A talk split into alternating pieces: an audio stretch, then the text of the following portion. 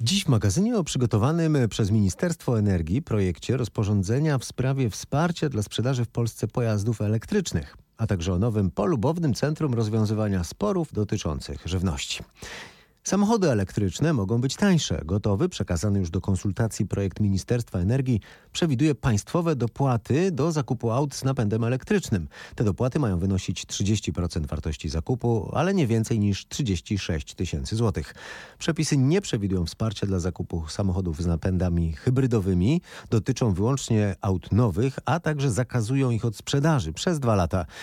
Dzięki temu rozwiązaniu ceny najczęściej obecnie kupowanych w Polsce samochodów na prąd produkowanych przez koncerny Renault i Nissan mogą spaść e, odpowiednio z ponad 130 i ponad 150 tysięcy złotych do 100 i 120 tysięcy. Ponadto te same przepisy zakładają wsparcie zakupu autobusów elektrycznych kwotą do 1,5 miliona złotych, napędzanych wodorem do 2 milionów złotych, napędzonych sprężonym gazem ziemnym sumą do 150 tysięcy złotych, a trolejbusów do 700 tysięcy złotych. E, będzie też wsparcie dla budowy stacji napełniania gazem, wodorem oraz dla stacji ładowania. E, taka stacja ładowania dużej mocy może liczyć na 150 tysięcy złotych rządowego wsparcia.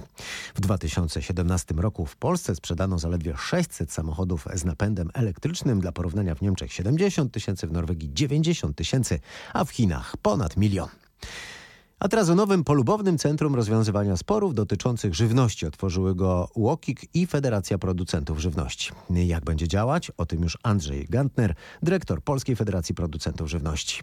Y, mamy cały szereg sytuacji, z którymi możemy się spotkać. Oczywiście, jeżeli kupimy coś nieświeżego i dojście do tego, czyja to jest wina, to na pewno nie będzie proste. Taką reklamację od razu składamy w sklepie, bo to sklep jakby odpowiada y, w pierwszej kolejności. Zawsze tak naprawdę sklep odpowiada w pierwszej kolejności, ale faktycznie, nie wiem, kupiliśmy coś, widzimy, że no być może to, co tu jest napisane, wcale nie odpowiada temu, co jest w środku, tak? Albo na przykład wzięliśmy udział w konkursie i nagle okazuje się według nas, że myśmy wszystko dobrze zrobili, y, a gdzieś tam czegoś nie uwzględniliśmy uwzględniono albo, albo potraktowano na sposób niezgodny z regulaminem.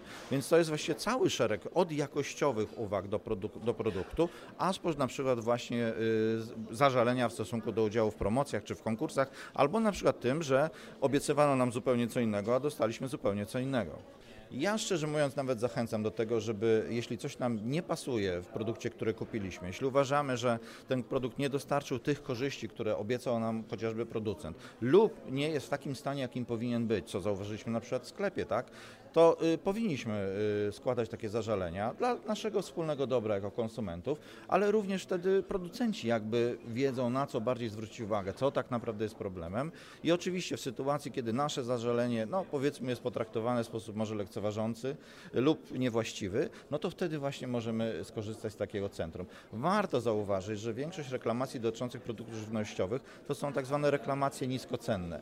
Co innego złożyć reklamację, nie wiem, za y, dobry telewizor, tak, warte 3000, wtedy będziemy walczyć do upadłego, a co innego składać reklamację dotyczącego jogurtu za złoty 50. Ale również chcemy, żeby w takich sytuacjach konsument wiedział, że w razie czego może się również odwołać do takiego centrum i co najważniejsze, y, kiedy chce złożyć reklamację to do tak niskocennego produktu, nie musi ponosić żadnych dodatkowych kosztów. Przede wszystkim jak wrócę do domu i zobaczę, że to co kupiłam to nie jest to, to powinniśmy trzymać paragon, bo to jest dowód, że zawarliśmy umowę. Następna rzecz, y, powinniśmy udać się do sklepu, w którym to kupiłem.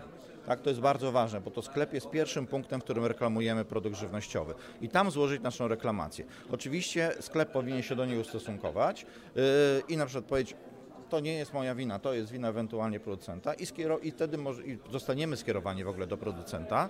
No i w tym momencie, yy, no i w tym momencie toczy się całe postępowanie jakby reklamacyjne, każdy producent ma swoje procedury.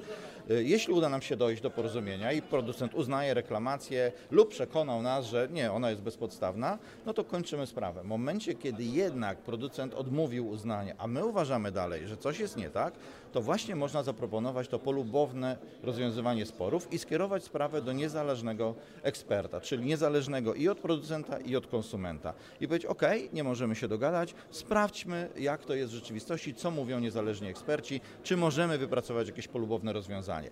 Jeżeli się uda, super, wszyscy zaoszczędziliśmy kosztów, wszyscy sobie wyjaśnili, co potrzeba i każdy jest usatysfakcjonowany. Jeżeli nie, to to centrum jest tylko dobrowolne. Jeżeli uznamy, że nawet to polubowne rozwiązanie nie odpowiada nam, wtedy faktycznie możemy pójść do sądu. Ale zawsze mamy ten, efekt, ten, ten moment pośredni, kiedy do sądu iść nie musimy. Mówił Andrzej Gantner, dyrektor Polskiej Federacji Producentów Żywności. To wszystko w dzisiejszym magazynie. Dziękuję za uwagę.